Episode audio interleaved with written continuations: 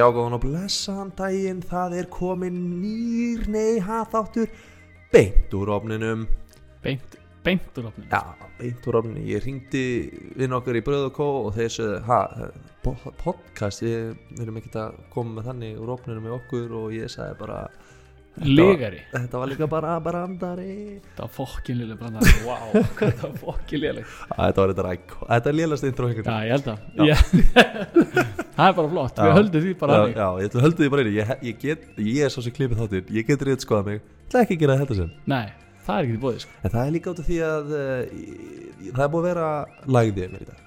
Já, Út af því að hérna kjarnorku þungur Já, ég, ég er ekki búin að vera í húmorgýrnum Út af því að ég sturtaði heilum kaffibólla yfir MacBook tölvun mína. Já, Og við erum ekki með hana hérna núna. Nei, Við venjulega tökum þáttina minn mína Klippum hann í mína tölvu. Ég var búin að skrifa þáttina mína tölvu. Og svo bara búm neldur í kaffi. Kaffi yfir og bara Og og tölvan bara fór að vinna miklu hraðar bara eftir að gera. Já, nú eru gauranir hérna eh, hjá Epli Þeir eru hérna bara frí sjátat Já, þeir fá, að þú veist, ég þarf eitthvað að borga, þeir eru fókin dýr.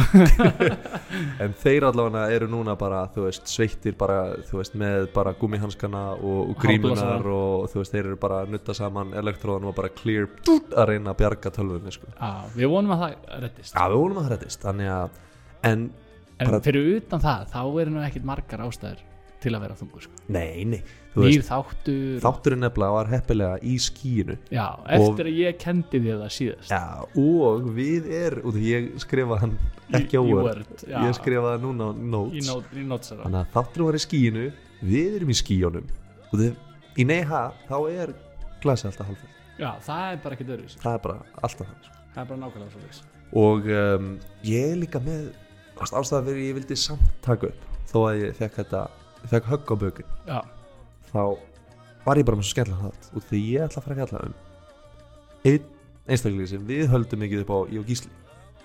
Já, uh, okkur finnst hann fokki fyndin hann er auðvitað og góð tónlistmaður hann er bara Rick James. Rick James, bitch. Það Yeah. er bara ekkit It's öðruvísi. Rick James bitch. Það er bara okkar maður. Já, sko hafa á hreinu svona, hann er fokkin auðvitað sko. já já já, já, já, já sko við höldum aðalega upp á hann út af því að Charlie Murphy er einn uppáhaldskæðin okkar já, já og Charlie Murphy og Rick James eru á, á vinn marga góða sögur sko. en hann á nú samt uh, frábælög eins og lagið sinna heyrði byrjuð þáttan að Super Freak super freak, já. en það er líka út af því að Rick James er Super Freak já, það er ekkit öðruvísi ha. en ég hérna er ekki bara að sulla okkur í þetta jú, ég meina við þurfum að enda lélegasta intro allra tíma bara Já. með outro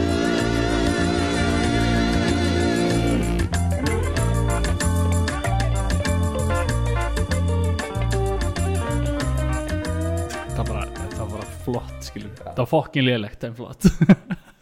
Þessi brandari var svo fokkin ákvæmlega ég ég var ekki búin að hugsa hann alveg til enda sko. Þetta bara, og svo hérna nei svo, við nei við erum ekki með podcast. Ha, bara, þú horfði bara í augunum og bara hvert ert að fara með það brandara? Já, ekki byrja á nei skilur, ekki, ef þú ætlar að gera funny ekki byrja á nei, það er bara regla nummer eitt. Er þið með podcasti á grafninum? Nei, Reg- og þá fór ég í bakaramistara þú veist eitthvað Já. já, já, já, regla nummer eitt í improv og funny er aldrei nei. Bara nei, ha? Bara nei, já, já ha, Hanna, Þessi. turnaround. Já, redemption brandari samt ekki, þú veist, það er allir að velta sér upp á hirtnadólunum sínum heima sér bara. Ég er með, ég með eina pælingu. Já, Nú erum við hérna búin að vera skjálfandi já, síðust daga. Frákvæðsengjum Já, nei, bókstallega því að Já, það búið að vera fokki mikið í já og, hérna, og það sem að, að mér finnst frábært er að þú veist, það er 2021 núna 1973 þegar það gaus í Vestmanniðum Já. þá voru held ég þrýr jarðskjaldamælar á Íslandi skilur mm. og málið er að ástæðan fyrir þeir gátt ekki triangulatað hvar þú veist, gósi sér staði eða hvar mest activity væri Mm. Var að því að einn mælirinn var bilaður skilur hann, þeir voru með tvo sem að skárust en þeir gátt ekki triangulatað skilur það sem allir þrý skárust. Já. í dag eru fleiri þúsund jarðskjáltamælar út um allt Ísland. Gerfin hettir og bara, já, já, gerfi nettir og, og alvöru nettir og alla græður skilur. Og þú veist, við erum að tala um bara út í sjó bara eitthvað lengst bara þú veist, eru bara eitthvað svona baujur sem eru bara eitthvað að mæla eitthvað jarðskjáltavirkni og eitthvað kjátaði en samt, í hvert einasta skipti sem að kemur í jarðskjálti Já. þá ringir fólk í veðustofuna og segir, hann fannst í hafnafyrði og það er bara, þú veist, bara ef þú reynir að ringi í veðustofuna á þessum tíma, þá er bara, þú ert númer 207 í röðinni og allir að ringja inn og viðupunkturins láta- liggur niðri. Og veðupunktur í sleikur niðri, skilur allir að senda mail, mm. ekki nóg með það. Svo er fólk, veist, svo koma fréttir bara, stór skjálti fannst á öllu höfuborgarsæðinu, 5,1 Mm. og þá kommentar einhver undir. Hann fannst í garðabænum. Þú veist bara, hvað hva meinar þú veist, ertu eitthvað vangin og þú veist, hvernig ætli manneskjan sem að vinnur í símaförun hjá viðstofunir bara, vá, takk fyrir upplýsingarnar. Ég reyndar með 5000 í arskjáltamæla en ég var reyndar ekki alveg viss hvort það myndi finnast þarna í daltúlinn í Kópói en núna er ég komið með það á reynd þakka þér fyrir það var ekki ekki að vera svona sjálfvirkur svona gaur hjá svona og ef þú ert að ringja til þess að segja að járskjáltin fannst þar sem þú ert hætt að ringja hætt, hættu við, trúum þess hætt að vera svona fokkið í heimskur það nennir enginn að hlusta á þetta. Nei, Takk fyrir að mér- Veðurstofuna. Mér finnst þetta bara magnað skilur en mér finnst alveg eðlilegt að þú veist, út um allt land eru að vinna auðvitað ykkur vísindamenn eða eða sem að búa, þú veist, á Ísafirði Stikisólmi, Akureyri, Vestmanni með eitthvað svona dót. Mm. og að þeir reporti inn já, hann fannst í Vestmannum þú veist, eitthvað svoleiðis.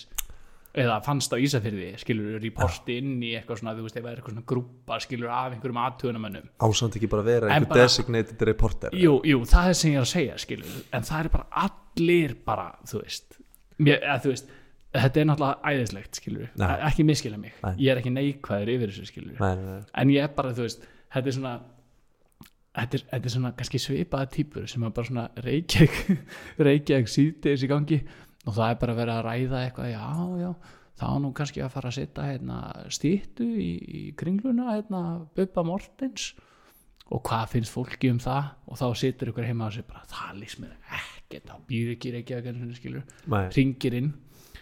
Herðu, mér finnst nú bara að þurfi ekkert að vera að setja einhverja stýtt, þú veist, allir eitthvað að fjasi yfir einhverju sem að skipti bara engum áli. En Það, það sem er líka þetta er svona eins og vorum að vorum hann að búlna á hann. Mér finnst þetta bara svo fyndi að, að vera compelled að koma þinni skoðun á framfæri en, en fólki sem er compelled til að koma sinni skoðan á er alltaf fólki sem er með neikvæða skoðan já, já, Þeir eru ímyndaðir að myndir, þú veist bara 30 manns ringja í Reykjavík síðdegis sem by the way er ótrúlegt batteri já, þú veist, fólk er bara að ringja þú veist, ég er náttúrulega, veit ekki hvort ég er búin að segja í þessu podcasti en ég er búin að segja þér að einhvern tíma. Gæ, það var einu sinni bara þema þáttarins í Reykjavík síðdegis. Má bara koma jákvætt. Banna að koma neikvætt og það er búið að vera svo mikið af því það er Reykjavík síðdegis, já, fólk að það kvarta er- í útvarpinu. fólk brjálað, skilur já, þú veist, það er koncept á þættinum, fólk að kvarta í útvarpinu. Mm. Skilja, að færa hringin já sko, flugvöllurinn á ekki að vera þú veist, það, það er bara stemningin í Reykjavík mm. já, já, og, og, hérna, og fólk sem kemst ekki að málefni daginn áður ringi daginn eftir og reyna að koma já, reyna að rifja upp punktin veist. Þannig að, en það var sér þema þáttarins nú ætlum við að ringi inn og segja hluti sem við erum glöð yfir.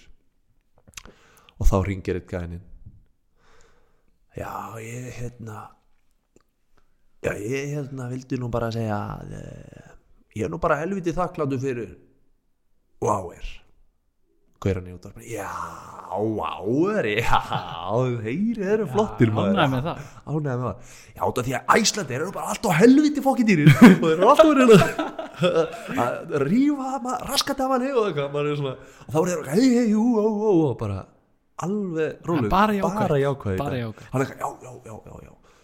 Já, ég ætli ég sé nú ekki helviti sáttu með hérna. Já, við kona fórum hérna fimm stjörnu hótel í Pólandi já var það ekki næs? Alveg æðislegt, æðislegt maður alveg, bara þú veist, að pottur alveg bara, bara við hótelherbyggið og, og bara maturinn svakalega góður. Og ef þú ætti að reyna að fá eitthvað sambærilegt á Íslandi það myndi bara að kosta bara, bara 390.000 krónur. Það kostaði bara alls ekki það í blóða miklu útira og þeir eru alltaf að reyna að stela manni peningum og þeir eru bara, ó, bara og alltaf, alltaf að taka jáka og snúa í já, einhvern hann gat ekki, gat ekki verið jákvæð gat ekki fysikli haldið sér jáka meður í tvæ mínútur hann var í svo miklu hot seat, hann var að trompast. Og ég bara, ég bara var í svo miklu sjokki að hlusta út af ég bara hækka í bótt ég bara, hver er þessi maður? Skilur já, ég, veist, það, það er fyrir mér landin sko. já, kommenta gerðu, hversu gott er það? Svo gott sko. það er svo geðveikt sko. ég var að segja hérna, hérna frá leiknum þessi gummi sendi okkur var það ekki ógeðslega að fyndið það hvað var það? þannig að ok, sem sagt að svona Facebook leikir í gangi og ég held að Plus hafi verið með Facebook leik að vera eitthvað að auglýsa nýjasta titraður eitthvað. Og ég veit ekki hvort að þessi gamla amma hafi vita nákvæmlega hvað Plus var. Nei, hún vissi ekki, þetta var bara svolítið svona mynd eitthvað allt bleikt og eitthvað. Stóð bara á eitthvað ammal í mars, eitthvað ammalisleikur frábær gjöf og það var bara eitthvað svona fullt af svona bleikum titurum sem að litu samt bara út eins og eitthvað blóm Já, þú veist, gáttu í raun verið hvað sem er. Og þessi eldgamla krútlega amma hefur greinlega haldið að þetta er eitthvað frábært dót fyrir krakka á öllum þú veist, það er verið að gefa eitthvað bara, þú veist, mér er alveg sama sko. og hún vildi endla taka þátt í þessu Facebook leik póstar hana já, hún langum með barni mitt. Langa ömmu barni mitt, hún Stína það verður verður ný- 11 ára Já, eitthvað. í mars. Og það er svo beða tæming það var svo slæmt. Og það var eitthvað einhvern blöss leikur einhvern tjúla sko, takka langum Mál, já, málið er bara wow, veist, ég elska ömmu en Facebook is a tough place to be on þú veist amma sko. Þú veist það er bara ekkert öðruvísi sko. Þú veist aldrei hvað er upp eða niður á Facebook sko. Ég Já. veit að einni sem að var hérna, sem var alltaf hérna ein gömul sem alltaf já ég er bara alltaf að fá fullt af einhverjum vinabeðnum ég veit ekkert hvaða fólk þetta er ég segi bara já en það er alltaf eitthvað fólk að alltaf mér. Þá var svona gluggi svona suggested friends og bara já já bara að, að, að, að, að bara fullt af einhverjum randoliði þú veist þessar ömmur, ég vil elska ah, djúvel, elskar maður. En þú veist Facebook is a, no, not a place for amma sko.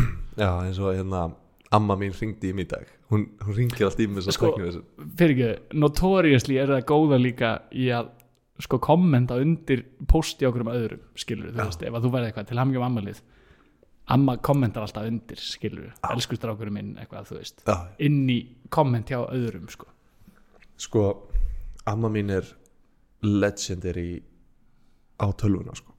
og, hérna, og ég hef stundum hjálpað hann að skrifa e-maila veist, hún alltaf bara kynntist tölvu þegar hún var orðin 70 skilur, skilur. og I don't blame them nei, nei, nei, nákvæmlega. En- það voru ekki til vasaljó sko. Nei, nei, nei. Að, að, hérna, og það er, þú veist, önnur umræði því að það er alltaf verið að segja svona eitthvað, ég kem, mæti í ripnum gallaböksum skilur, amma er bara eitthvað hvað, þetta er ótrúlega ljótt eitthvað, hvað, kanntu ekki að bæti í buksur nei, kann það nú reyndar ekki. Hún fólk kann ekki neitt í dag og bara hún kann ekki ít á endur skilur, er auðvitað að ég elska mömmu mín veist, aldrei myndi ég sita við hliðina á ömminu og hún er eitthvað að reyna að skrifa og skrifa bara með eitt putt í einu. Og ég myndi vera bara þessi kynsla kann ekki veist, ég myndi aldrei drulla yfir ömmina eins og amma drullar yfir mann sjálfa hún hún er með, þú veist, 100 ára skilur, hún er bara maður er góð við ömmu sína, það er bara þannig. Já, já. en allavega, my point is að hún er hún ringdi mig í dag með tölvu þessu og hún sem sagt herru, ég var hérna að skrifa e-mail á frímúrregluna og, og hérna og það bara bara færðist allt til vinstri. Og, og nú sé ég bara þú bara fokk er amma á Tinder? Og ég, Nei, og ég bara ekki svona uh, og nú sé ég bara helmingin af textanum. Og ég er svona, já, ok. Uh, minnar það bara þú veist, skjárun farið til vinstri? Mm. nei, skjárun er bara sínu stað. Talar ammaðin eins og amman í rauðu tólfur já, já, já. En hún var bara eitthvað, skjárun er bara sínu stað. Þannig að nú held ég náttúrulega hún haldi að ég hafi haldið að bara skjárin á tölvunni færðist fysikli til vinstri skilur já, já, já, bara hard, hardverið. Já, þannig að ég er svona bara ok, ok.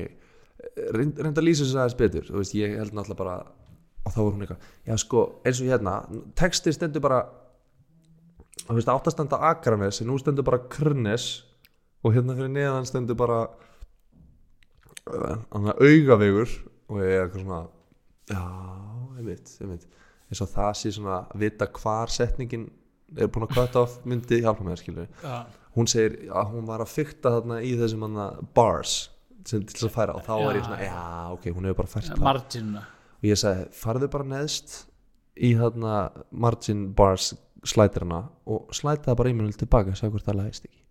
Og hún alltaf, auðvitað hefur ekki hugmyndu hvað ég er að tala um sko.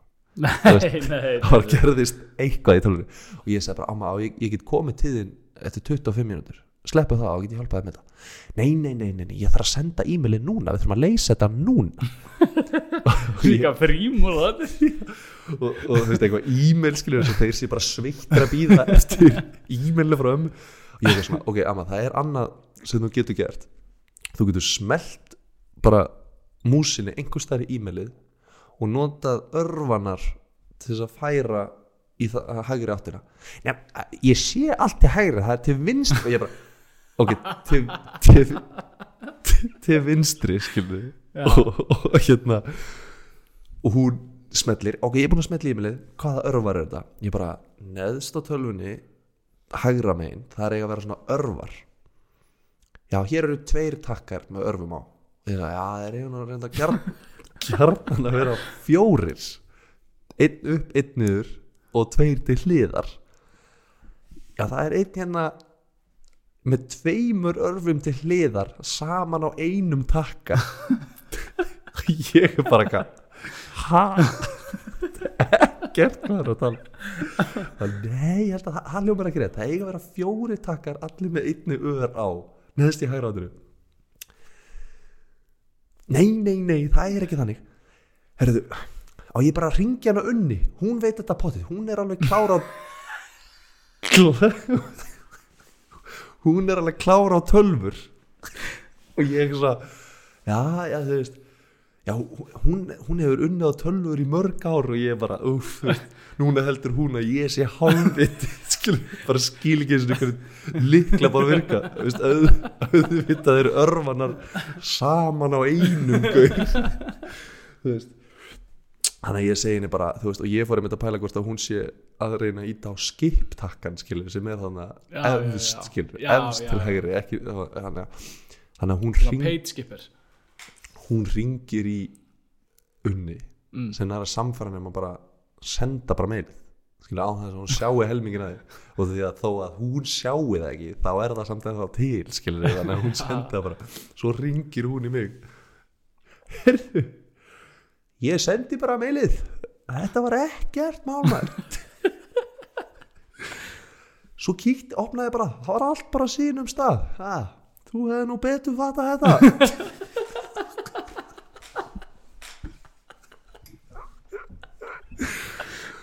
og bara ef þetta moment þá er ég bara svo fegin að ég ákvaði ekki að vera svona IT Nei. ég, þetta er lungu búin að drepa mig sko.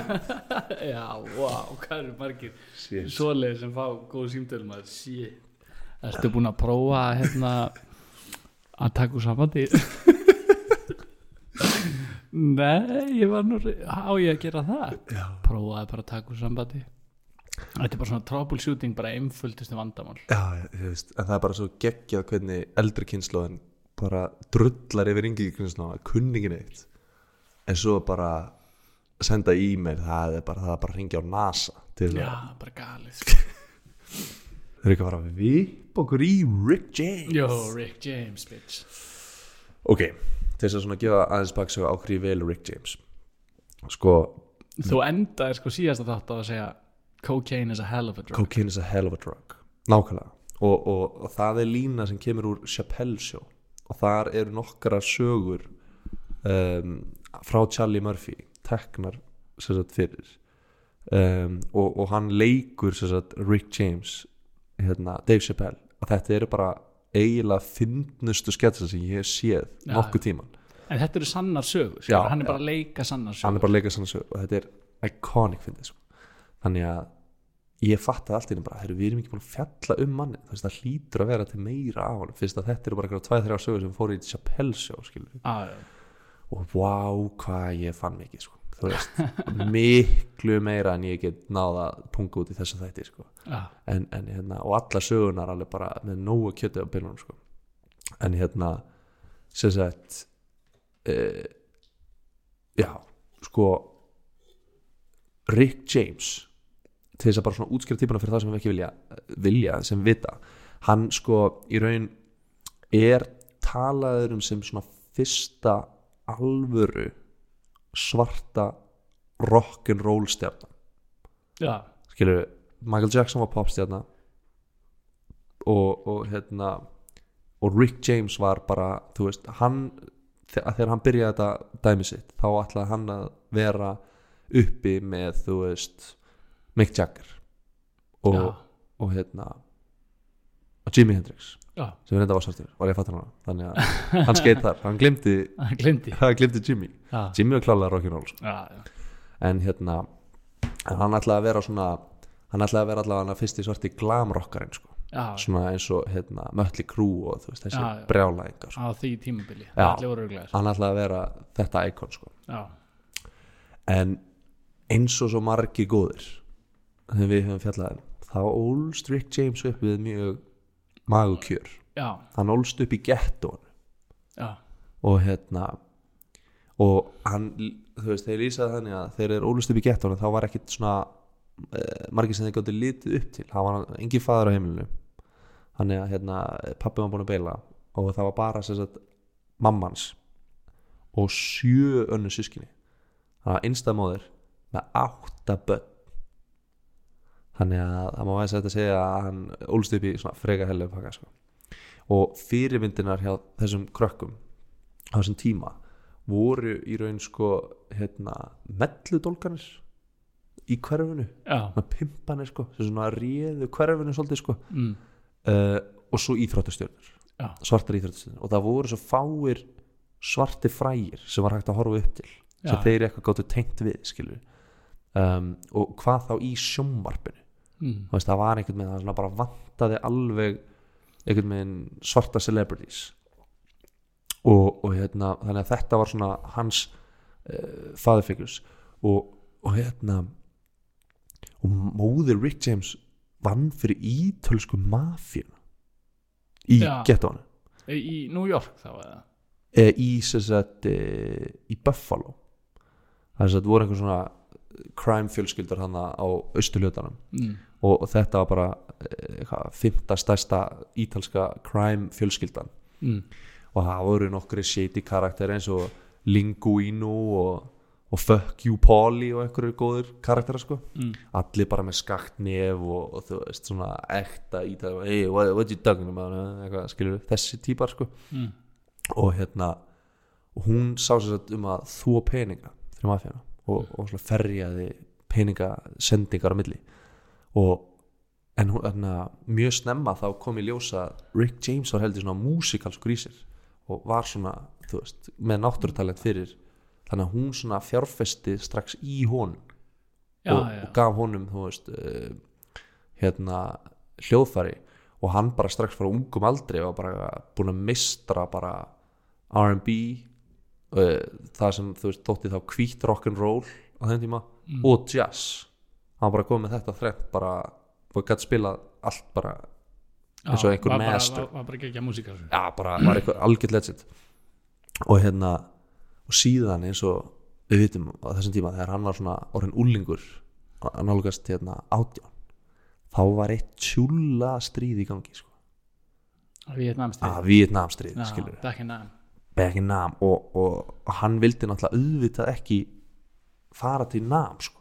Nei, þannig þess að sleppa Vietnam þá hérna lauma sér til Kanada. Og þegar Buffalo er rétt við landamærin sko.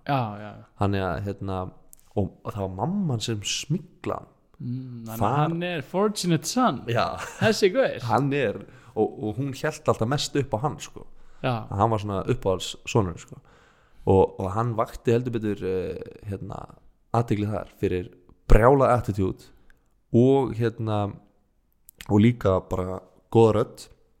Klikka músikalska höfika og þar var hérna mitt hvít rockljómsveit sem vildi fá meira svona R&B inn í set, rhythm and blues, inn í soundið sitt skilur mm. þannig að hérna, þeir báðu sett Rick James um að joina. Og þá var Rick James veri, hann var söngvarinn fyrir hljómsveitina. Að hann var alveg bara svona frontman fyrir þessa uh, rockljómsveit og þetta var hljómsveitin hjá Neil Young. Já, ok. Og hérna og, og Rick James hérna og þeir urðu svona alveg sem í vinsæli bara strax og voru strax með svona anti-war message og voru bara svona alveg á kafi þú veist í þessari senu þannig Ah. uh, anti-Vietnam einhvern megin og, og, og hérna og voru þú veist að fara til bandaríkinn til að spila og síðan endaði Rick James að hann var böstaðir af bandaríska hernum mm. og skellt í hann, steinin sko. hann hefði verið hérna svíkjast, svíkjast undan og, og, hérna, og meðan Rick James var í steininum þá kvatta Neil Young til þess að fara bara sjálfur að syngja. Hann ætti bara að syngja sjálfur því að Neil Young var svo góður tónlistamæður Já. en var lítill í sér því að hann var ekki það góður söngvari. Rick James var bara þetta syngur bara sjálfur ég, er bara, ég er bara í steininu já, þessi, ég er bara í steininum hann að Neil Young var ok þannig að hann var þá nýju frontmannin í hljómsveitinni og var síðan Neil Young. Já. skilur, var, veist, var ekkit frægur fyrir það sko. Og, Vá hvað, vá hvað samt eitthvað þú veist, ef þú hlustar á Neil Young í dag þú geta aldrei óra fyrir það að hann hafi bara verið eitthvað með Rick James í hann bara klika lítið lýsið, þorði ekki að syngja. Hann bara get feimin og Rick James bara hætti svo fokkja vel. Farið bara sjálfur að syngja. Meðan hann satt í steinum. Og, og hérna og síðan uh, þegar hann losnaði á jailinu þá var hann laus allra mála. Og þú veist þegar hann var dæmdur bara svona insubordinate skilur hann Já. að þýtti ekkert að hafa hann í hernum hann hlýðir engu skilur þannig að hann bara slapp og var það eftir það stikk frí þá fór hann bara eitthvað hitti gamla félaga sinn, mætti bara í svona hvítum loðfraka, bara hitti félaga sinn og var bara eitthvað svona bara hei, hérna ertu ekki með eitthvað, eitthvað góða plötu? Og hann bara, jú, setti hérna setti James Brown á og eh, þeir voru eitthvað svona hlusta á þetta. Og Rick James bara, við getum gert miklu betur þetta sko. miklu betur, ertu ekki að það með hljómsveitina hvað hann bara, jú, ég er að það með hljómsveitina herru, stóðum nýtt band. Ég er front and center, kýlum á það. Fengu hérna bara peninga frá Mafia Connection. Að sjálfsögðu. Þannig að hann fjármagnaði bara plötuna með Fuck You Polly og Linguino.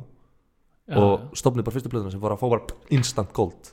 Og þeir eru bara frægir, bara um leið. Ha, og þannig byrjaði þetta bara á Rick James. Hann bara James Brown bara þetta er einhver auðmikið sko. Já, bara Já. James Brown bara pff, getur gett miklu betur en þetta sko. Og hann bara ding, hendi það. Þetta var svona origin story. Góð origin story. Já, Rick James var entertainer. Bara svona náttúrulega entertainer Mm. elskaði að búið til sjó. Já, og hann, hann var svona svolítið, það dreigði svolítið innblástur af Kiss, já, já. Elskaði þessu Kiss og, já, Kiss var náttúrulega bara ruggla bara með sprengjur og, og þú veist, bara Gene Simmons með tungun og bara blið, gera alltaf trillta skilur mm. Og hérna hann var alltaf með einhverjum svona svaka sprengjur og eldsjó. Og hann klættist alltaf svona hvítur svona kúrekabúning.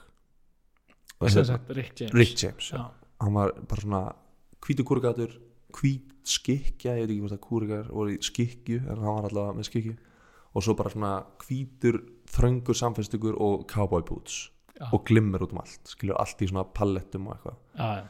Og hérna og svo var hann pallettum, já og síðan hérna ekki fullt, svo var hann bara með Europallet og bara, þú bara negla á hann. Og síðan, þú veist, var hann með hérna, með, þú veist, flamethrower á gítarinu sínum, þannig að hann var bara svona bara, þú veist, klikka sjó. Já, nema að hann kveikti einu sinni orð í sjálfu sér. Hann var eitthvað að svibla skikkinu og svibla gítarinum og bara og kyrði gítarin inn í skikkinu og kveikti í sjálfu sér og var bara bak og held áfram eitthvað með solo eða eitthvað svona og svona og er að losa skikkina og svona, er, þú veist, var ekkert að stoppa samt, skilur við það bara og þú veist, svo eitthvað henda hann skýrt skikkinu í burtu og það var allir bara í salinu bara þetta var bara brjála bara hann kveikti bara í sjálfu sig bara fyrir sjóið. Já, það heldur allir bara að þetta væri hluta af sjóinu skilur við já, og síðan þú veist hérna, Rick James líka let alla í hljómsveitinni og sjálf sér í klúti bara hella yfir sig glimmeri til þess að þeir væri bara, þú veist, Gla, bara glansandi. bara glansandi skilur, bara ekki bara bú- búningarnir, þetta er bara húðin og þeir allir bara hárið og allt, bara allt út í glimmeri skilur já, já, og hérna og það voru oft hérna brjálaðir hljómsveitamæðlumir nei, hljómsveitamæðlum hérna kærastar sem ringdu í hljómsveitamæðlum þá voru þeir að fá kærustunar heim með glimmer á stöðum það sem að ætti helst ekki að vera. Ætti, ætti ekki að vera glimmer skilur við það var bara kærustunar greinlega búin að vera einhvers staðar svolítið nála hljómsveitur sko. Og hérna og, og þetta, þetta kúreka look var svona svolítið iconic Rick James. Það var Já. svo iconic að aðrir að þess að aðdændunum byrja að herma eftir lúkinu og voru að mæta tónleika og mæta þú veist bara eitthvað í lúkinu hans. Mm. síðan er hann eitthvað að keira limminu einhvers staðar í hérna downtown hérna New York sér hann bara tvær gellur í kúrikabúningunum bara top to tower hvíti kúrikar. Og Rick James skrúa niður úðuna bara við erum á plasa og mm. gæluna bara oh my god, þetta er Rick James! Svona, og þeir keira bara í burtu skilur og þeir fara bara eitthvað að vesla eitthvað. Koma síðan bara upp á plasa hótel skilur, opna bara herbyggið með herbyggisleiklinum inn í hótel gæluna bara inn í herbygginu já, í gölunum bara. Í gölunum. Og Rick James bara ha? Hvernig komast þær inn í hótelherbyggi mitt skilur Mm.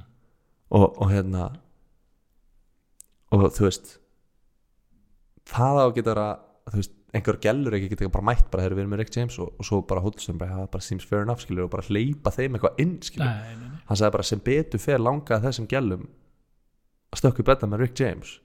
Því annars hefði ekki bara stólið öllu skilur inn Já, á hótelherbygginu þess að þetta var ekki gæla sem að þekkti ekki neitt skilur já, en síðan hérna uh, áttu þau náttúrulega svolítið rugglaðar nótt sko Rick James og þessar tvær gælur. Mm. og eftir þetta þá samdan lag um þessa upplifun. Já. Super Freak.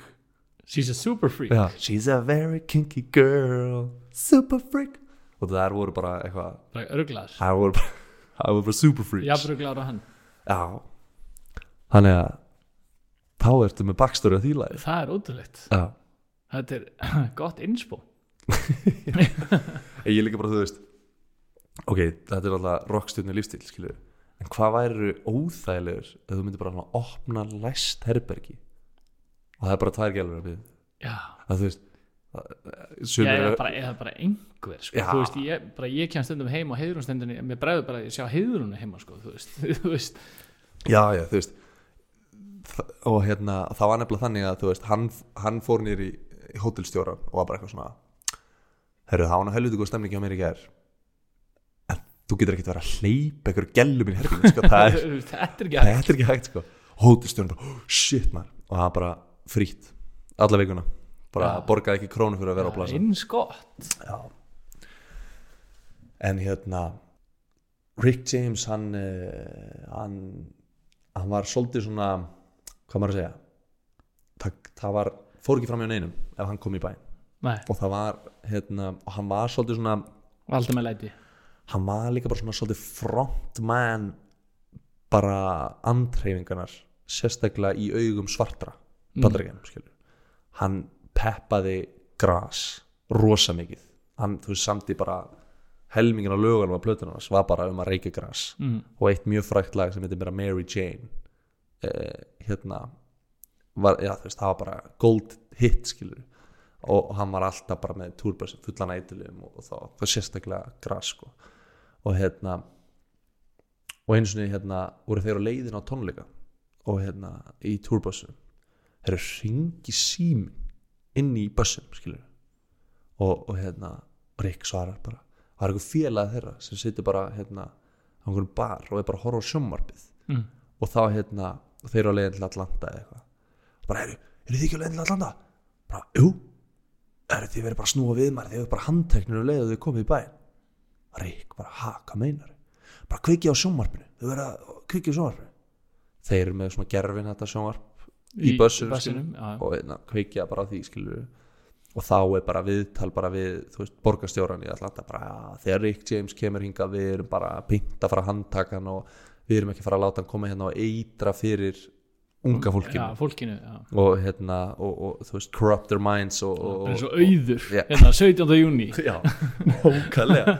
Söng friði, hvað er að veist, þetta var bara þetta var bara nákvæmlega hann já, og hérna bara handtakana sko. Beintist bytti steinu hann. Og hérna og Rick James og félag hans þú veist, þeir horfðu á þetta í sjónarfinu og bara hlátuskast bara þetta fyndast að sjónarfinu sem þeir séð þeir eru bara að grenja og hlátur skilur bara, bara þetta er bull þeir eru ekkert að fara handtakur þú veist, hvað ætlaði þeir að gera skilur þeir halda bara áfram til Atlanta skilur, þeim er fokkið saman sko. já. bara I'm Rick James bitch, skilur, þeir eru ekki að fara að að gera neitt Nei, sko. nei, þeir eru ekki að fara að handtaka mig sko. Herru, þeir mæta það sem venju þeir Það er bara svona hundra lögreglum Sko. Það er bara svo í mask það voru yfir hliði það var bara allir bara með byssunar Og það er bara svona 20 snæperar á þakir veist, þeir bara mættu bara með alla lögreglustöðuna til að stoppa einhvern einn svarta rokkara skilur já, og, og hérna og þeir eru bara hvað er að gerast? Við erum bara, bara óvopnaðir rock'n'roll gæðir með glimmer og, og tights skilur, hvað af hverju er bara herin mættur skilur og hérna og þeir bara svona leggja túrbössunum skilur það er bara bara umkringja túrbössuna og þú veist það er bara gjallar hóðin bara stay where you are. Eitthvað, keep your hands where you can see them og hérna sem kemur eitthvað löguröglu kona bankur upp bara á bussin Rick James opna reykur út alveg bara, og þú veist það er allir með svona svona löguröglu kúreka hatta hún er með svona stóra svona, svona sérri fatt. Eða sérri fatt skilur já, og hérna og, og hún er greinlega stjórnað þessu batteri í kona hún segir bara, herru við þurfum að koma um borðið í bussin og Rick bara segir bara, við bara fucking glemti sko. Ekki, ekki síens ég leipið þér um borð sko.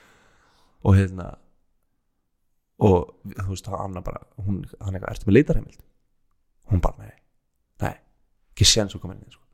þetta er heimilið okkar. Hérna borðum við, hérna ríðum við og gerum sér líka fullt að öðru tóti hendi ég eitt svona ambiguous í lokin. Já, gerum líka fullt annað. Og hún gæti ekkert gert, því hún var ekki með leitarheimild skilur og hérna og þeir sem sagt uh, og, og hljómbásleikarinn sem reykir ekki einu svona gras hann var bara eitthvað, fokkin maður nú keirum við, nú, nú fáum okkur svo umhverfisvæna að við fyllum bussin bara til að sína lögreglu að það geti ekkert gert skilur já, hotboxið bara bussin skilur bara fram að lögreglu. Þeir gátt ekkert komið inn þeir gátt ekkert gert. Nei, og hérna reykja sem sagt bara að fara síðan og hérna er að fara på svið. Og komist þið bara fram í á löggunni já, komast bara fram í lögunni þú veist, þeir voru ekki einu sinni með eitthvað eitthvað arrest heimild nei, og kona stoppar aftur. Hljómsveitar bara er hvort eitthvað er Rick James? Að hún vissi ekki sinni að hún var að tala við Rick James á hann sko. nei, nei, ok, já. Og hérna og þú veist þá var bara eitthvað ég er Rick James. Svo bara heyrst frá öðrum hljómsveitar ég er Rick James. Svo bara nei, ég er Rick James. Það er bara svona I am Spartacus. Já. bara öll hljómsveitin er Rick James Já, þannig að hún veit ekki hvað Rick James er þannig að hún veit ekki hvernig hann tala við þannig að hefur ekkert annað val og er ekki með arrest veist, þeir voru reyna bara að reyna að ógna þeim úr bænum skilur já, já, en þeir bara leta ekkert ógna sér. Bara þeir fara bara upp á svið skilur og það er bara, þú veist pakka, pakka, pakka venju skilur, allir crazy sko. og hérna og Rick James bara hvað laumar einni Jónu sem hann var búin að geima bak við eirað undir Já. hárinu. Tekur eina feita Jónu úr hérna, Ha, úr kröllunum sko. Og hann var enda með svona hann var með svona Masai Warrior svona uh, flettur já, já, og hérna og hann tekur hérna Jónuna og segir sjáu þið alla lögreglunar hérna? Kráti bara já. Að þeir er alltaf vist að að handtaka mig. Þeir sjá mig reykja gras. Og allir bara bú allir þið nokkuð að leifa því að gerast kráti bara ekki fokki séðs bara nei. Og bara skellt hann Jóni. Fýraði bara upp henni og reykti Jónuna bara fyrir framann alla fyrir framann sviðið bara og fyrir framann alla lögreglunar já, og kráti bara og svo, trompast bara. svo byrjuði þeir bara og svo bara heldur þeir brjála tónleika og löggan gæti ekki og bara trompaðist bara allt og hann bara Já, hann bara trompaðist og held bara brjá- brjála tónleika og, hérna, og, og, og slapp sig hann bara lögreglan þurfti sem bara bela skilur, gátt ekki gert, mátti ekki vera hann í- rockari, alveg rockari. Ja, þú veist, þetta er rock and roll moment sko. og þetta var bara ofta gerast. Já, löggan í raun hverjum einasta bæ sem Rick James mætti í þá var löggan að reyna að gera eitthvað í. Já, og þú veist, hvort sem að það á sér stóð í rasisma eða hvort það á sér stóð í bara að þeir voru anti-drugs anti-drugs náttúrulega ég held að Nixon sé náttúrulega fórseta þessum Já, tíma. þetta var, þetta, var, þetta var eiginlega á þeim tíma sem að þessi anti-drug stefna er war on byggð, drugs sko. byrjar sko. já, já, þannig að maður veit ekki alveg hvaðan það byrjar en löggan ætlaði samt. Og þú veist, hann var frægur fyrir ég þarf bara að spila lag fyrir það eftir sem er Mary Jane, þú veist, hann er bara legendary frægur fyrir eiturljóðnislu sko. Og hérna þeir sagt að ná ná sér á hann og ætla að býða eftir honum baksins mm, þess að lumbra á Já. eftir tónleika. En í miðju atrið Rick James veginn fattar þetta. Og í miðju loka atriðinu þá er svona dansar hann af sviðinu skiptir um föt við bílstjóra sin mm, og, og hann fyrir bara eitthvað bara sittur upp eitthvað rasta húi og, og hérna og, og eitthvað, þú veist, einhverja buksur eitthvað sem bílstjóran hans, hans var með, skilur og, og hann lauma sér burti og bílstjóran kemur síðan dansandi aftur inn á svið, skilur Mm. the old switcheroo skilur og hann Já. eitthvað tekur svona dansinn, skilur snýr sér við enda og loka sprengjunni skilur og bara brjála sig og kratur bara alveg brjála skilur já, síðan lappa hljómsveitin af sviðinu. Já, og lögreglan grípur Rick James mm, eða bílstjóran já. Bara berja hann í klessu. Ha, já bara lemja hann bara. Nei. Ú, hvað er slæm hlutskipti fyrir bílstjóran já, já, þú veist hann tekur þannig bara eitthvað fucked up og þú veist, hann ætla bara að vita mála lögreglan í bandaríkjana með fucked up sko. já, já, Á, þú veist, það er bara eitthvað alveg tjúluð og því er handtakan ekki og hvort sem að það hafi verið út af því að þú veist og þetta var ekki Rick James eða, eða hvort að þeir ætluðu sér bara alltaf bara að berja. Já, vera bara með einhverja ógnandi haugðun sem er þú veist og þetta er svona þú veist maður hefur alltaf vita að, þetta er búið að vera mjög slæmt fyrir svarta í bandaríkjum skilju mm, en bara heyra þessa sögur frá einhverju sem er jafn frægur og Rick James já, já, skilur að þú veist hann er ekki einhvern veginn above the law eins og svo margir frægir verða einhvern veginn þegar þeir verða ríkir og frægir. Ég menna bara, svo Led Zeppelin var bara miklu leiti bara komist um með hvað sem þeir vildu gera skilur mm, þannig að mér finnst þetta, þetta er alveg svona svolítið eye-opening sko. Þeir alltaf berja hérna, bílstjóran og Rick James hérna hann alltaf bara búin að plata það skilur og bílstjórin hann dyrkaði Rick James svo mikið að Mm. hérna, hann segist uh, hann var glaður að hafa tekið þessum barsmið fyrir vinsin já, í staðan fyrir já, þess að vera Rick hefði tekið já, og, og hérna, en það er líka út af því að Rick James hann passaði rosalega vel upp á allt krúið sitt. Bara ef þeir voru leiðin á klúb sens að þú veist, hann myndi láta einhvern úr sínu krúi standa fyrir utan sko. annarkort fekk klúburinn hérna, kom, veist, allir fengi að fara inn eða Rick James spilaði. Já, já, þannig að það var bara annarkort bara annarkort, það var bara hópur. Já, þú veist, og, og þú veist, hann passaði líka að hérna hann passaði líka að dyraverinir kunnu nöfnin á öllum í hljómsveitinans mm, þannig að þeir gætu komið einir líka skilur já, það þurfti ekki alltaf að vera Rick James með skilur þannig að hann passaði sjúklega vel hérna upp á uh, alla, en það var ekki samt öll lögregla var ekki á móti Rick James þó að það var svona svolítið svona, í hverju minnsta bæ sem hann fór það lenda hann svolítið að kantu lögregla en lögregla hans heimabæ, Buffalo mm, þeir elsku Rick James sko. þeir eru alltaf bara að mæti í partí. Já, og hérna og, og lögreglan voru orðin það góði vinna, þeir bara mættu bara í mannsjónið tæmdu bara sönnunagagna hillunar á kóki.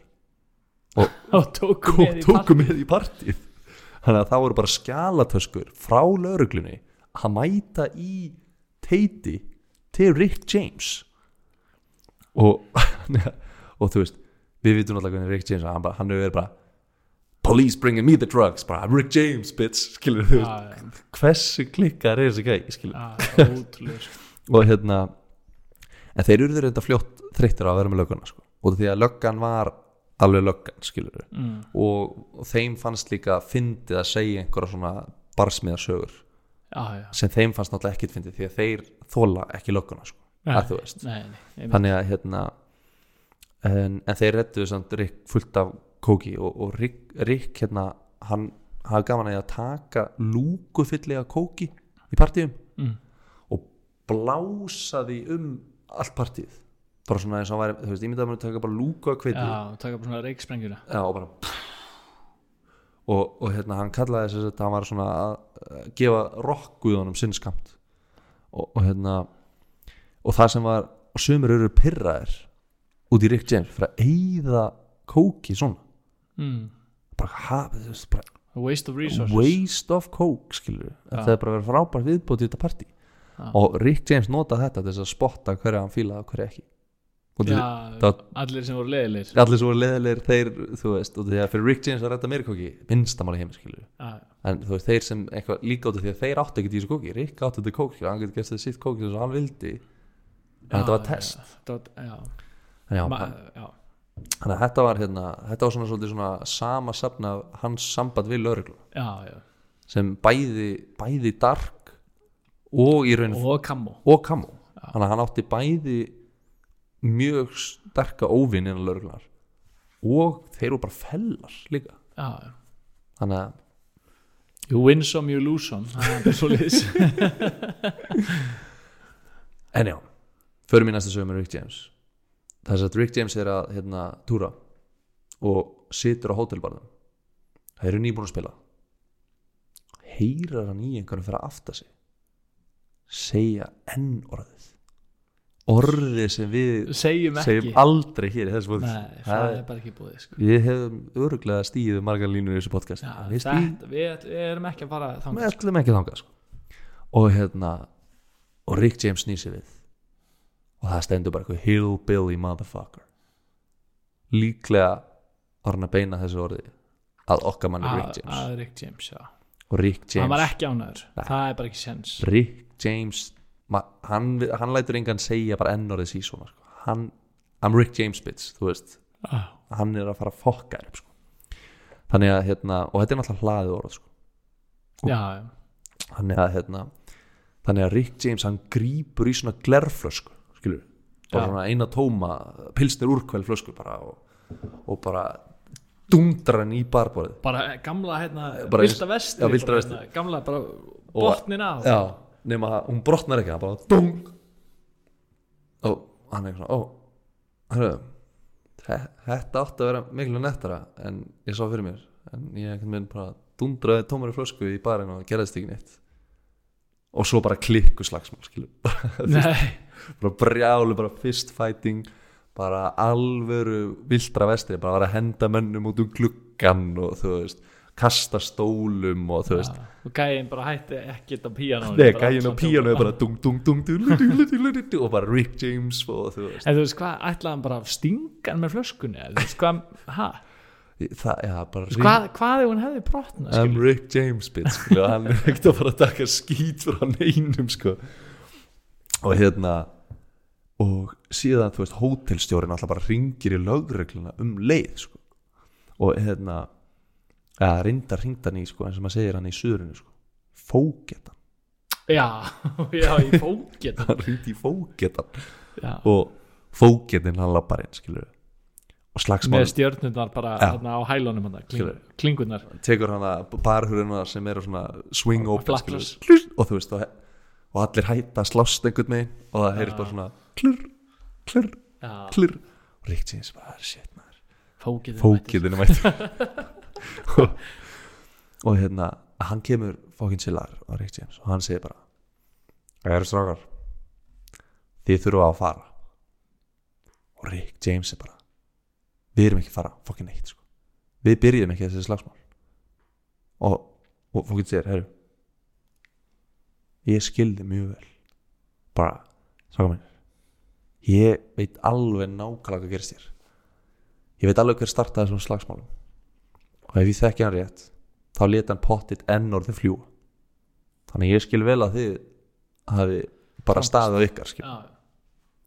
en þið verður samt að fara. Og Rick James bara við erum ekki að fara. Og hann segir, nei, ég held ég skilji ekki. Komið með mér. Og þeir elda fókitan út úr hótelinu og það var svona löng, löng brú.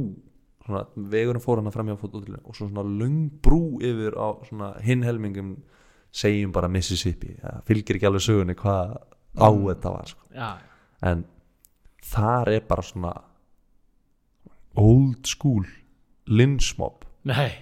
að sapna saman.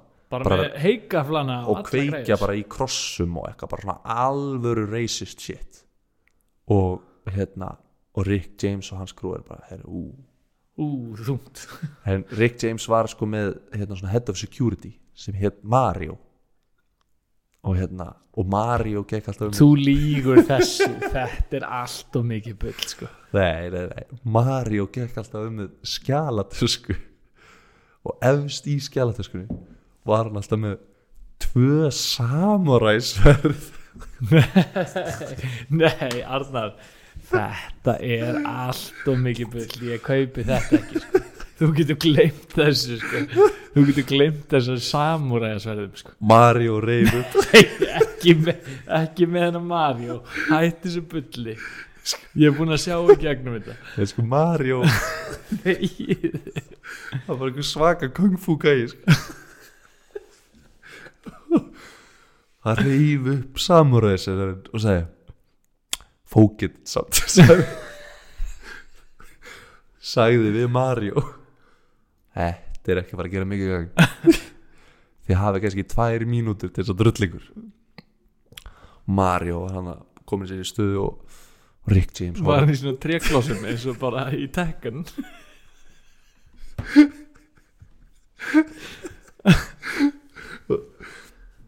og hérna Rick James horfir á head of security Mario sem er komið með, vissulega með sverðin upp og hann hugsar þetta er öruglega ekki að fara að fara eins og ég sá þetta fyrir mér.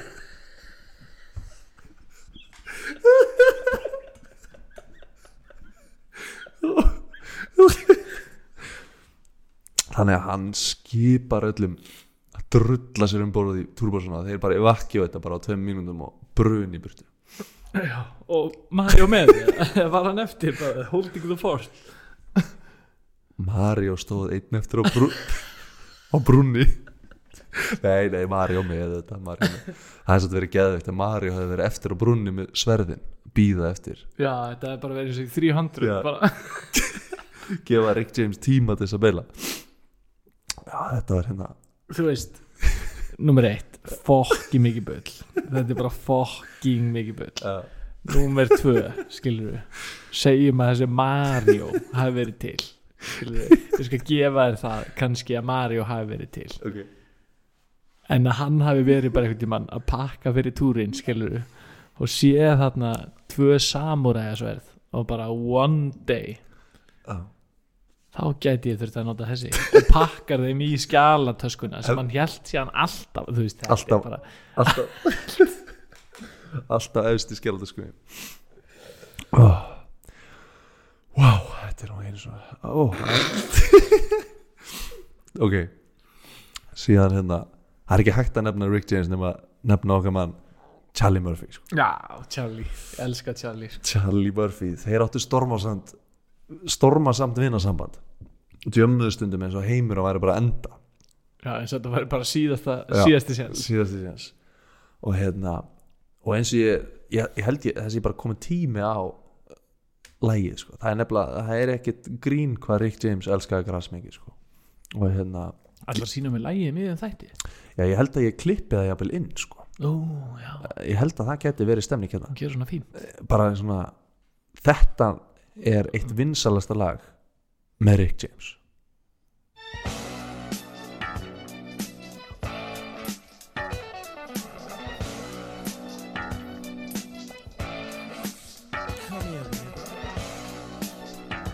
alveg svona svett í þessu. Já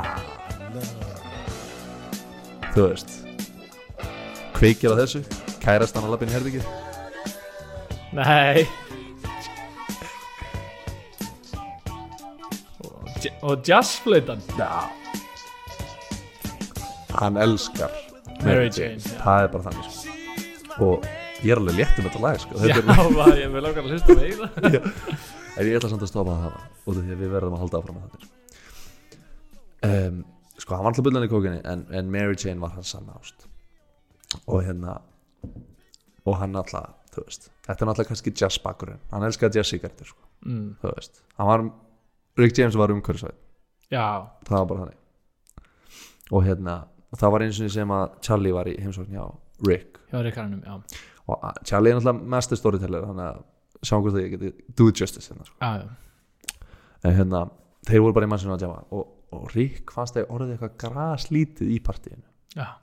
Og hérna, Hvað fara að gringa því. Já, það var svona þú veist, það þurfti aðeins að fara að fylla á. Þannig að hann segi við félag sem bara, herru get the Jamaicans on the phone. Já, og hérna og það mæta bara einhver alvöru rasta blasta bara I am the master. Já, Rastafari en Jamaica gæðir skilur og hérna og bara og hérna og þeir kom ekki bara með eitthvað skjala tösku fulla grassi sko. þeir kom bara með heibakka bara, já, bara rúll. Já þeir kom bara með dráttar skilur bara fulla grassi skilur og bara að byrja að skera plastið utan á já bara, já bara eins og Charlie Murphy segi bara these Jamaican cats don't fuck around. Já, og hérna og hérna og þeir sturta bara úr þessum risa stóru pókum bara á borði hjá Rick James. Já, bara fylla bara borstofa bara af víti. Úff, og Rick hafði það bara greinlega sagt í símón bara komið með allt. Já, bara nóg. Bara, eða bara allt græs sem við erum með. Og ég kaupi bara allt sem þið eru með akkurat núna. Já, og Jamaica lítið ekki segja svo bara, já, kom bara með allt hvernig er það, bara daginn eftir þú veist da, daginn eftir partí og það maður alveg að taka til sko. hvað var maður bara ekki að horfir á þetta bara, ennþá bara 40 kíló bara, ja. var þetta ekki ópeppa Charlie hafði bara aldrei, hann hafði aldrei séð svo mikið græs æfir, hann var bara bara god damn Rick bara what you gonna do with all this weed já, og, og Rick James bara I'm gonna smoke it Charlie. I'm gonna smoke it all Charlie. Og hérna I'm gonna light up this motherfucker. Og á þeirri í því mómenti þá fær Rick James brilljant hugmynd. Hann ætlar að hotboxa alla stofuna sína hann ætlar bara að fýri upp í svo mikið að grasi að bara fyllist öll stofana reik hann bara lókuð lengur glukkanum Já, bara allir gluggar lokaðir skilur og allar hurðar lokaðir. Og hérna hann næri einhver svona einhver svona bronsskál og síðan er hann bara með einhver svona brennara skilur, einhver krembur og leibrennara eða eitthvað. Mm. fyllir síðan bara skálina af weed. Er síðan bara að fýra upp í bál. Varð heldur döðans bara, fær allir bara svona sapnast hann í kring. Og hérna og allir sita bara í ring og eru bara anda inn bara reiknum sem kemur upp úr skálinni skilur já, og, það byrja bara hægt og rólega bara fylla herbyggið að reik já, og hérna og eitt sem Rick James hafði líklega ekki reiknað með var að öryggisvörður hans var að fara einhvern ring sér bara koma bara reik út um þú veist bara hurðakarmana og sér bara reik koma bara skilur undan einu herberginu. Já, hann ætla bara heldur, heldur bara fakt að sé kviknað í þannig að hann ringir bara um leið í neðalínuna skilur segir bara herru, það er kviknað í. Og bruna síðan inn og er að þú veist að reyna að sjá hvort hann geti bjargað einhverjum skilur þar er bara fokki margið freðni skilur bara þú veist. Rústaðir já, og rústar og hann bara hefur sér bara, bara Rick, eitthvað, ég held að það er kviknað í. Og Rick er bara, hvað meinar maður? Við erum bara, fákum Mary Jane. Og hann bara, sér bara ég, ég ringdi bara neðalinn að ég var bara alveg vissum að það væri kviknað á svo mikið að Rick. Og Rick bara, já ok mér er fokkið saman, bara let them come. Og Charlie var bara ég veit ekki hvað mér finnst um það sko. Þú veit það, I got two Jamaican motherfuckers on my left. Og er að bara a bale of weed on my right skilur já, bara ég veit ekki alveg hvort ég vilja blanda löggunni í það partí sko. nei, nei. Þessi sósu sko. þannig að hérna e, en, en Rick var bara fokkin chillaðir og síðan kemur lögreglan. Og hérna og Charlie er bara að reyna að láta þess lítið fyrir sér fara á hættir hann er alveg stór gæi skilur, hann var bara að reyna að gera sér eins litan og var líka bara bólu, bólu, bólu friðin og hérna og hann hérna hann vissi ekki almennilega að lauruglan í Buffalo og Rick voru félagar skilur hann hann held bara að Rick væri bara master of persuasion skilur já, annarkur það eða bara að lö- að löggan hefði labbað hann inn og verið bara instant high. Já, já, og hefði verið bara fokkið chillu með þetta bara, bara yeah, you're alright Rick eitthvað, don't worry about it já, hann bara í sjokk Hann var bara, löggan bara að koma. It was like a god skilur já, þannig að hérna og svo bara alltaf var bara slökkulið og öllu liðinu bara snúið við, skilur bara, Ja. herru, bara takk fyrir ykkur skemmt ykkur vel skemmt ykkur skemmt ykkur varnir og það bara, að það bara þessi en hérna Rick var svakakall en eins og allir vita þá talent recognizes talent því að það var nefnilega til það var nefnilega hérna lítill vittlisingur sem var nýbúið að kikka frá Rolling Stones túrnum sem hérna og hann var atvinnlaus þessi litli köttur hann hétt Prince. Já, og hérna Rick James tala við Stone City Band og er bara hvað hvað segir við þessum kísa hérna? Og hérna og þeir bara, já, herru this shit is funky sko. Bara, þetta er alveg gott sound Rick James bara, já, ég held að þessi gaur sé góð til þess að hita upp fyrir okkur. Tú- Stone City Band turnum og það er Rick James bara number one í bandarækjum huge, skilur, miklu stærri prins. Og hérna og hann líka, þú veist, var mann að sjá að sko prins dróin rosalega mikið af svona hvít krát. Og meðan Rick James svona predominantly dróin svart krát. Og með því að mixa þeim saman það geti orðið svona mixed já, crowd þá ertu að búið að búið til mix krát og líka bara svona miklu stærri krát skilur mm. og því að þú veist nýr Þe- já, þú veist, þeir eru með mismöndi svona fanbases og hérna þannig að þeir bjóða honum til þess að hitta sig í Dallas þar sem þeir eru að fara að spila fyrstu tónleikunum saman. Og þeir, þú veist, meðalhæðin í The Stone City Band var, þú veist 1.80 bara allir klika að Mm. þeir voru bara allir spendi bara, já, bara þessi prins maður bara að fara að mæta. Svo bara mæti bara pínu lítill dvergur. bara 1 og 50 eða Já, eitthvað. hann er bara pínu lítið Það er bara, ha, bara er þetta prins. Þannig að þeir fannst að fólki fyndi, sko. En þeir fíluðu hann samtalið, skilju Bara, þú veist e, Hljómbósleikarinn sagði bara, hérna Bara, I like that son of a bitch. He was funky as hell. Og hérna En máli var að prins var svo klikkaður sjómann eins og Rick. Þannig að, þú veist, Rick sagði bara That motherfucker has me working hard skilur þetta, hann þurfti alltaf að toppa prins já, já, eftir að hann var búin að hita upp fyrir hann skilur, hann gæti ekki verið eitthvað nummer tvö og verið lélegir skilur, nei, nei, nei. og hérna en það samt, þeir sögðu samt að það hefði ekki, þú veist, það hefði verið erfitt. And nine times out of ten bara, we would whoop that little guy's ass, skilur. Já, fuck him up, sko og það, var allir myndi gleyma bara hver prins var þegar Rick James og félagar voru búin með sjó, sko, þeir voru með svo crazy sjó í gangi. Já, en hann þurfti bara hverju einasta kvöldi og alltaf þegar Rick James var að spila þá var Prince að fylgjast með. Og Já. alltaf þegar Prince var að spila þá var Rick James að fylgjast með. Og þeir voru konstantli að reyna að one-uppa hvern annan þannig að sjóið í endanum á það túrnum. Var bara það var bara orðið bara brjála þetta sjó í ykkur tveir öfgafylstu rockar í heimi bara og bara bara fokkin ríða gítarnum þetta bara ótrúlegt dæmi sko. Síðan hérna ætlaði Rick James að stopna hérna stelpuband. Þarna á þessum tíma þá voru öll stelpuband bara eitthvað svona gellur í matching kjólum eitthvað þú veist eins og The Supremes eitthvað. Mm.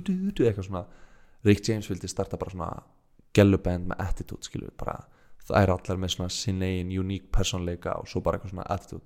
Nema prins ekkert með einn fréttar af þessu stofna sitt eigið stelpband og undan Rick James.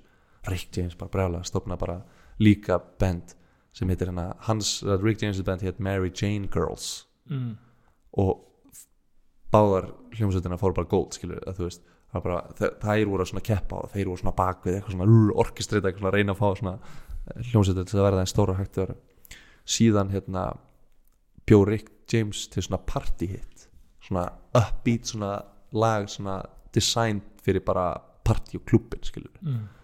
og hérna hann fekk Eddie Murphy til þess að syngja það. Og þetta Ah. lag hétt Party All The Time. Já. Party All The Time du, du, du, eitthvað. já, með það, fór bara, bara plattinum það er bara huge hittari skilur það það var bara skrifað og recorded af Rick James nema bara með Eddie Murphy sem söngur þá ákvað hérna prins að svara með sínum einn party hittara.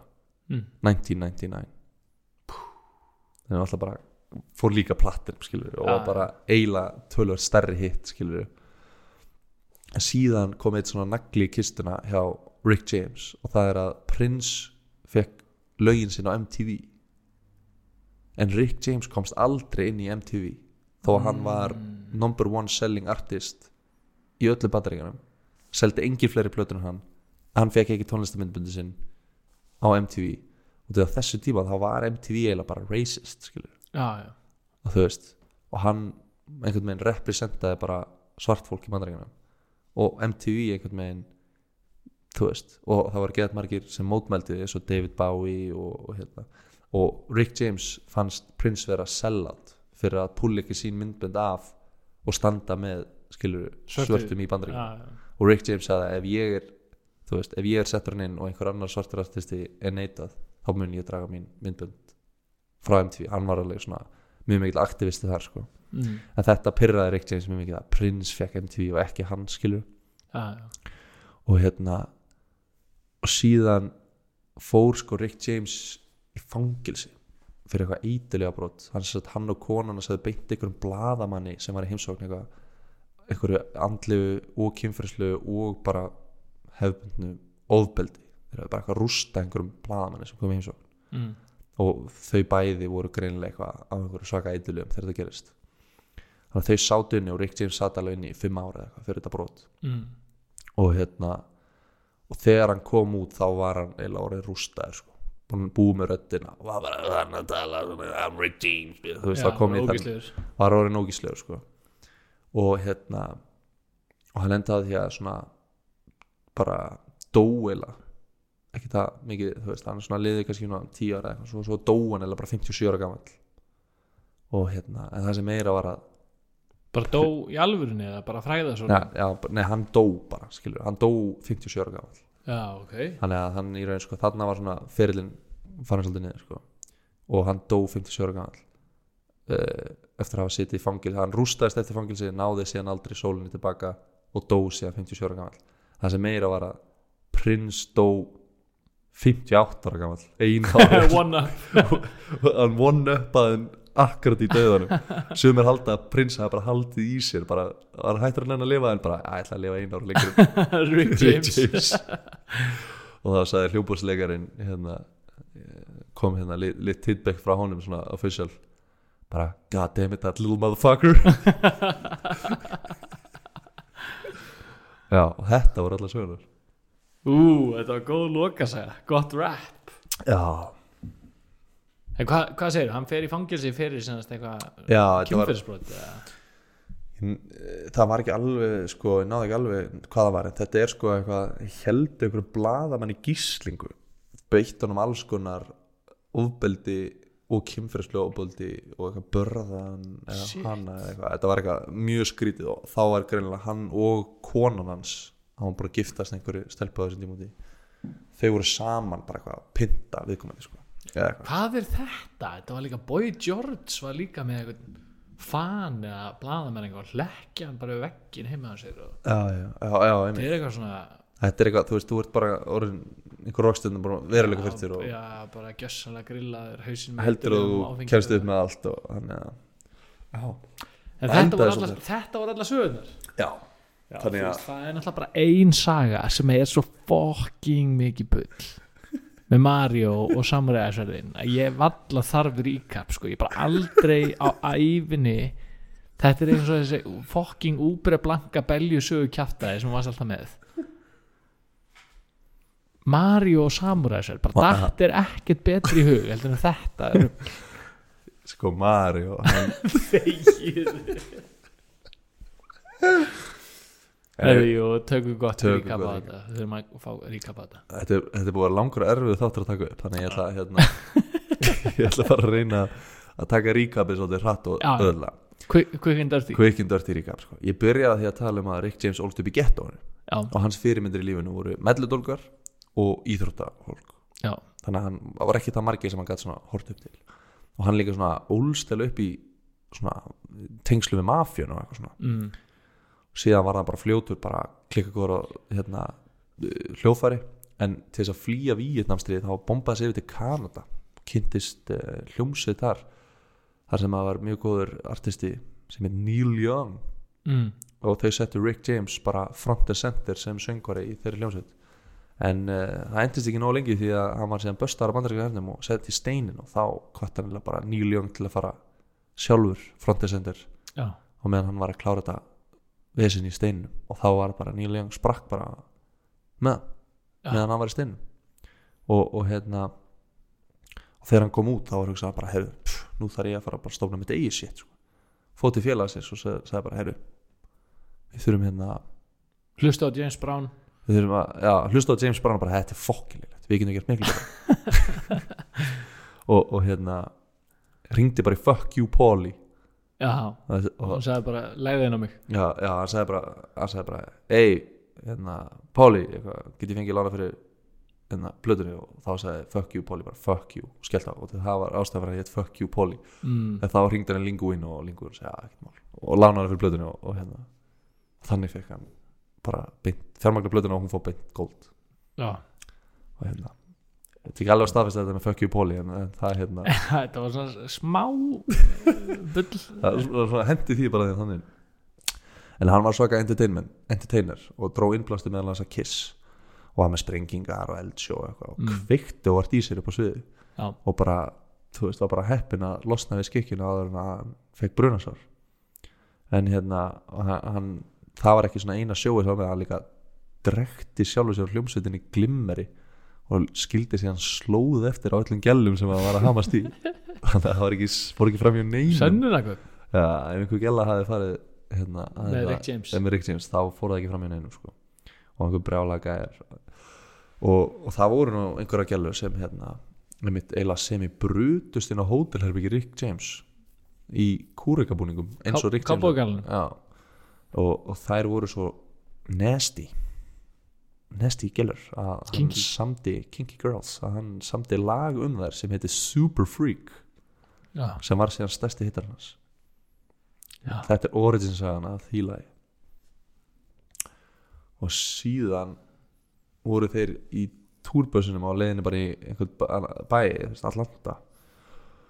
Sáu bara í sjómarpuna að það var bara átt að handtaka þeir mæta þeim fannst það svo fokki fyndið. Setja það í það fyndið í hlekki þeim fannst það svo fyndið allan að þeir bara bombuð sér beint sko. Og hérna e, og þá var heldur betur reynd að ógna þeim.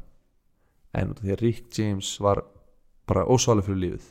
Hann leti ekki segja sér til verka svona öðlega sko. fyrir að vera Jóni á sviðinu já, hann bara, einmitt hann fyrst sagði lögguna að fokka sér og þeir eru bara með hundra lögum, hann snæpir og hunda og hverju, sko, bara, þið er ekki fara að koma inn í börs. Síðan bara held, voru allir að reyna að komast að hver Rick James var og allir bara þykist að vera Rick James svo fór ekki milli mála hver Rick James var þegar hann fýraði upp í Jónu upp á sviðinu. Spurði bara krátið hvort þeir ætlaði nokkuð að leifa laurugluna að handtaka sig á sviðinu. Og krátið bara ekki fokka sér þannig að hann reykti Jónuna bara og meðan hann horfði á löguna grjótarður síðan fjallaði ég um hérna svona, svona stormasand samband hans við laurugluna og hvernig lauruglan í raun hann hendi því old switcheroo og skipti um fötu bílstjóra sinn mm. sem var síðan bara hennar lauruglunni já á þessum Atlanta tónleikum eða ekki það? uh, nei, það voru aðri tónleikar Há eru aðrir, já ok, Annars ég held að það hefði verið þarna nei, það er svona aðri tónleikar á öðrum stað þeim Mm. sýnir bara hvað lauruglan var alltaf að reyna að ná hann sko. Já, já, já, ok og hérna og síðan eh, þú veist, kom bara ljósa hann eða bara platalöguna, bara haha, feysa ykkur og, og bílstjórum var samt sáttur á að teki barsmiði fyrir mm.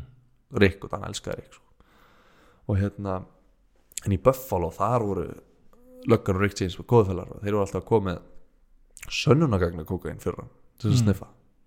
Þeir voru, hikaðu ekkert við það að tæma lagari bara til þess að kíkja í partí á James. Já, og hérna, þeir voru svona svolítið leiðir á hafa að hafa það. En hann alltaf fekk svo mikið kók frá lauruglunni að hann hérna leik sér eiginlega bara því að blása bara skýja kóki bara Upp í upp í loftið. og þá voru menn svona að pyrra sig að það, þá vissi hann að þeir var lúsar Já. Þetta var semst söguböndul allt Atlanta sagan og, og Já, sagt bara svona, þetta er svona bara svona samband hans og lauruglunar Já. Það er eitt svona þyrping. Já, byrjar í Atlanta sögunni Já.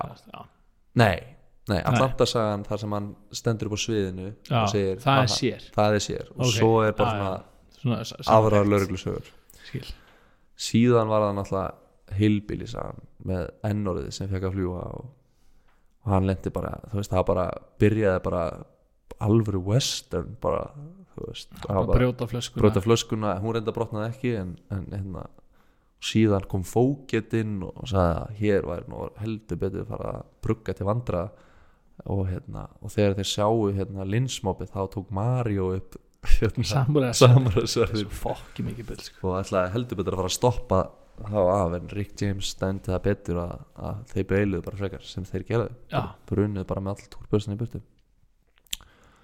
Og svo var það hérna saga frá okkar manni Charlie Murphy. Hérna hann hefði sagt verið í stofunni hann, hjá Rick James og þeir, þeir sem sagt fengu ykkur að Rastafari en hérna Jamaica ykkur þetta sem kom inn með svo mikið að grasi að þeir ákveða að fylla skála því og, og hotboxa stofuna og öryggisverðan held að vera kviknað í og hringdi á lögregla og lögregla mætti en hún var instantly chilluð með stemninguna og gerði ekki neitt. Enga og fjallaði ekkert gras. Nei, og snýr öllu við og, og Charlie hann var í sjokki með þetta. Fannst því mómenti Rick James vera guðlegri en nokkur sinni fyrir já, og síðan var ég að, svolítið að rekja Rick James og, og hérna og hérna Prince, Prince og það byrjaði át af því að þeir að Rick James er en tekur Prince undir vangin og þeir eru að túra saman og það bara instantly myndast rivalry skilur og þeir eru bara heitustu óvinnir restina af æfinni eftir þennan túr. Og þeir eru alltaf að one up á hvernig hann að reyna að vera nettast í gæinn á sviðinu. Mm. og akkurat á þeim túr þá tókst Rick James að vera eiginlega alltaf on top.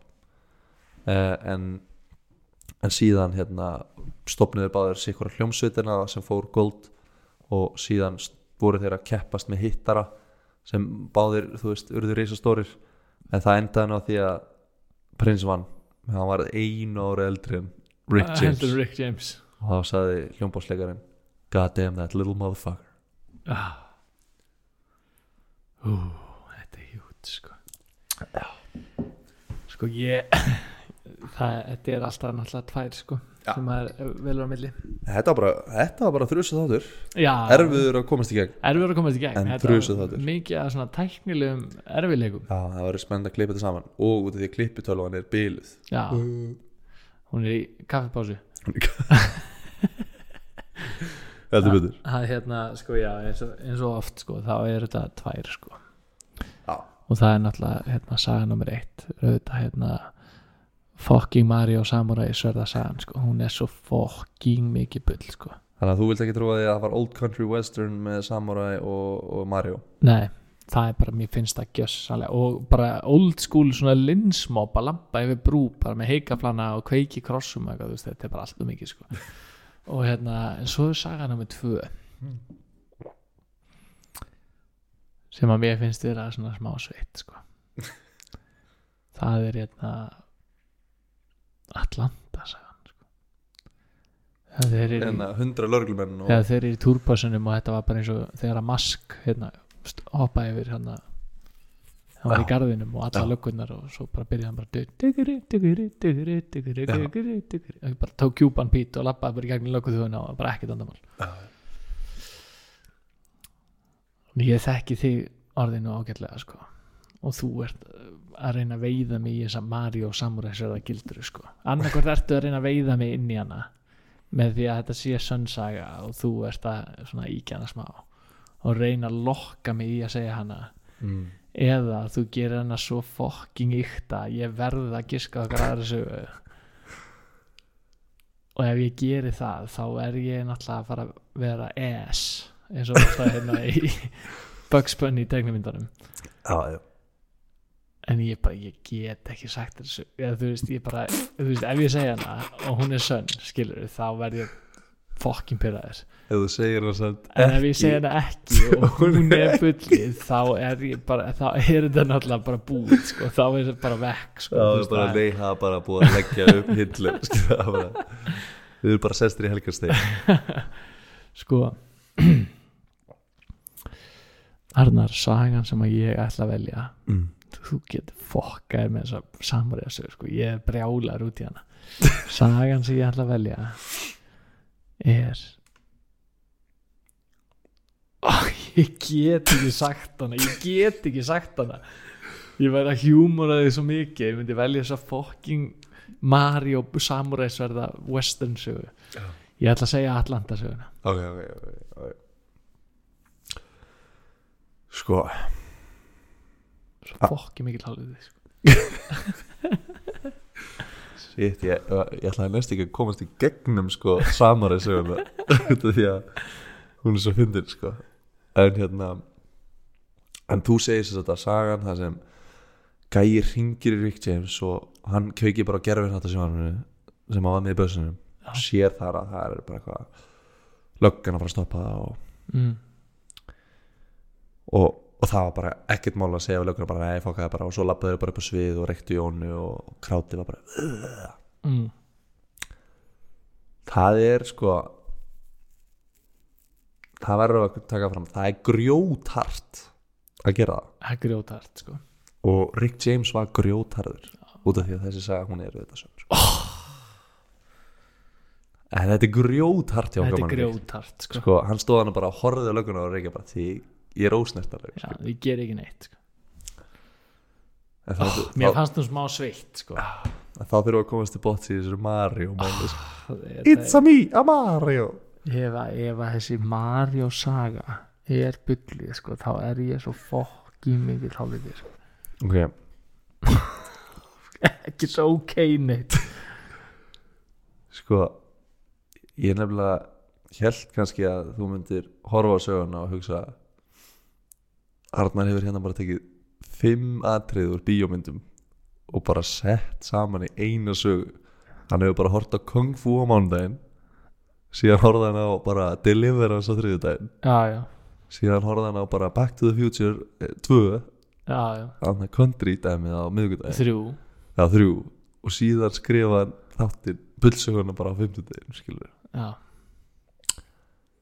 um, og, og og síðan hérna fór ég í Mario, Kart í morgun og hugsaði, já, ég læt samorgan bara heita Mar ég er svona, hef, hefði getað trúað því að þú hefðir kannski, þetta hefur allt farið í gegnum hausna á þér já, já. en eins og með marga góða sögur það er bara ekki séns að vera dotti allt þetta rugglega, þetta er auðvitað sensaga líka já, já, sko, truth is stranger than fiction sko. það er bara alltaf svo leið sko. að það finnast að við Mario er að hann er hérna 205 já, klikkamassaður og svartur. Já, að Mario, ég vissi ekki að það þú veist, það er hljóma mjög ítalst en kannski er það bara út af Super Mario. Kannski er Mario bara algengt já, fyrir marga en maður bara instant í tengið við Super Mario já, sem náttúrulega gerir söguna legendary finna en hann var alltaf með samaræsverð og hann var með sko fest í toppin á skjaldaskur þannig að þegar hann opna skjaldaskur þá er það bara alltaf front and center samaræsverð já, já. Ef einhver hefur lent í þessum samaræsverðin veit ég ekki sko. sagan sem er bull ég var ekki nálægt henni sinni. ok, og ég, mér fannst nefnilega það er allar svo trúðar ég var alveg svo stressað með legasöguna að ég hendi svo mörgum curveballs í hana mm. og, og, og það er hérna og það er raun sko, það eru sögur sem ég hefði getað nefnt og þá hefði þátturinn verið miklu lengri. Og hann er nú þegar mjög langur. Mm. en það er engin saga eftir Charlie Murphy sem þetta þetta er líka saga eftir mig. Nei! Hotboxið í stofunni og Charlie Murphy bara 100% bull. Það er ótrúlegt. Það eina sem er satt í því er að það voru einhverju Jamaica hverja sem supplyið Rick James. Já, som real Rastafarian Jamaica sem er eitthvað sem Charlie Murphy saði að það gaf mér svona the spark I needed til þess að búa til restan af sögunni sko. já, já, já. Hann er að það er bull sko. mjög gott sko. Mjög að- gott. Að- kept your, kept your enemies closer sko. já, já, og þannig að þú veist these Jamaican cats don't fuck around og, og hérna what are, you, what are you gonna do with all that weed? I'm gonna smoke it Charlie, I'm gonna smoke it all. Það er bara kvót sem ég bjóð til. Já, það er ekki alvöru kvót nei, en þetta var bara þátturinn og þetta var bara þáttur ég vona að fólk skemmti sér. Ég skemmti mér. Já, ég, ég ég var eiginlega bara til að spóla tilbaka og heyra mig gremju látri yfir fokki mig Maríu, hláttskast yfir sko. Maríu það sögur sko. Herðu, en hérna ég vona að tölvan lagist á morgun. Við krossleikum fingur. Já, já, Þá við kemur- klippum þetta sama Við gerum góðan fíling já, já, já, það verður bara góð stemning. Við reynum svo að henda kannski ég veit ekki hvort við náum öðrum þetta árinni fyrir til Danmarkur. Jó, stefnum að já, stefnum að stefnum að einn, einn hérna, áður um þetta Danmarku þátt. Já, heldur við þá getur næst. Þá getur næst, gleðileg jól. leðileg jól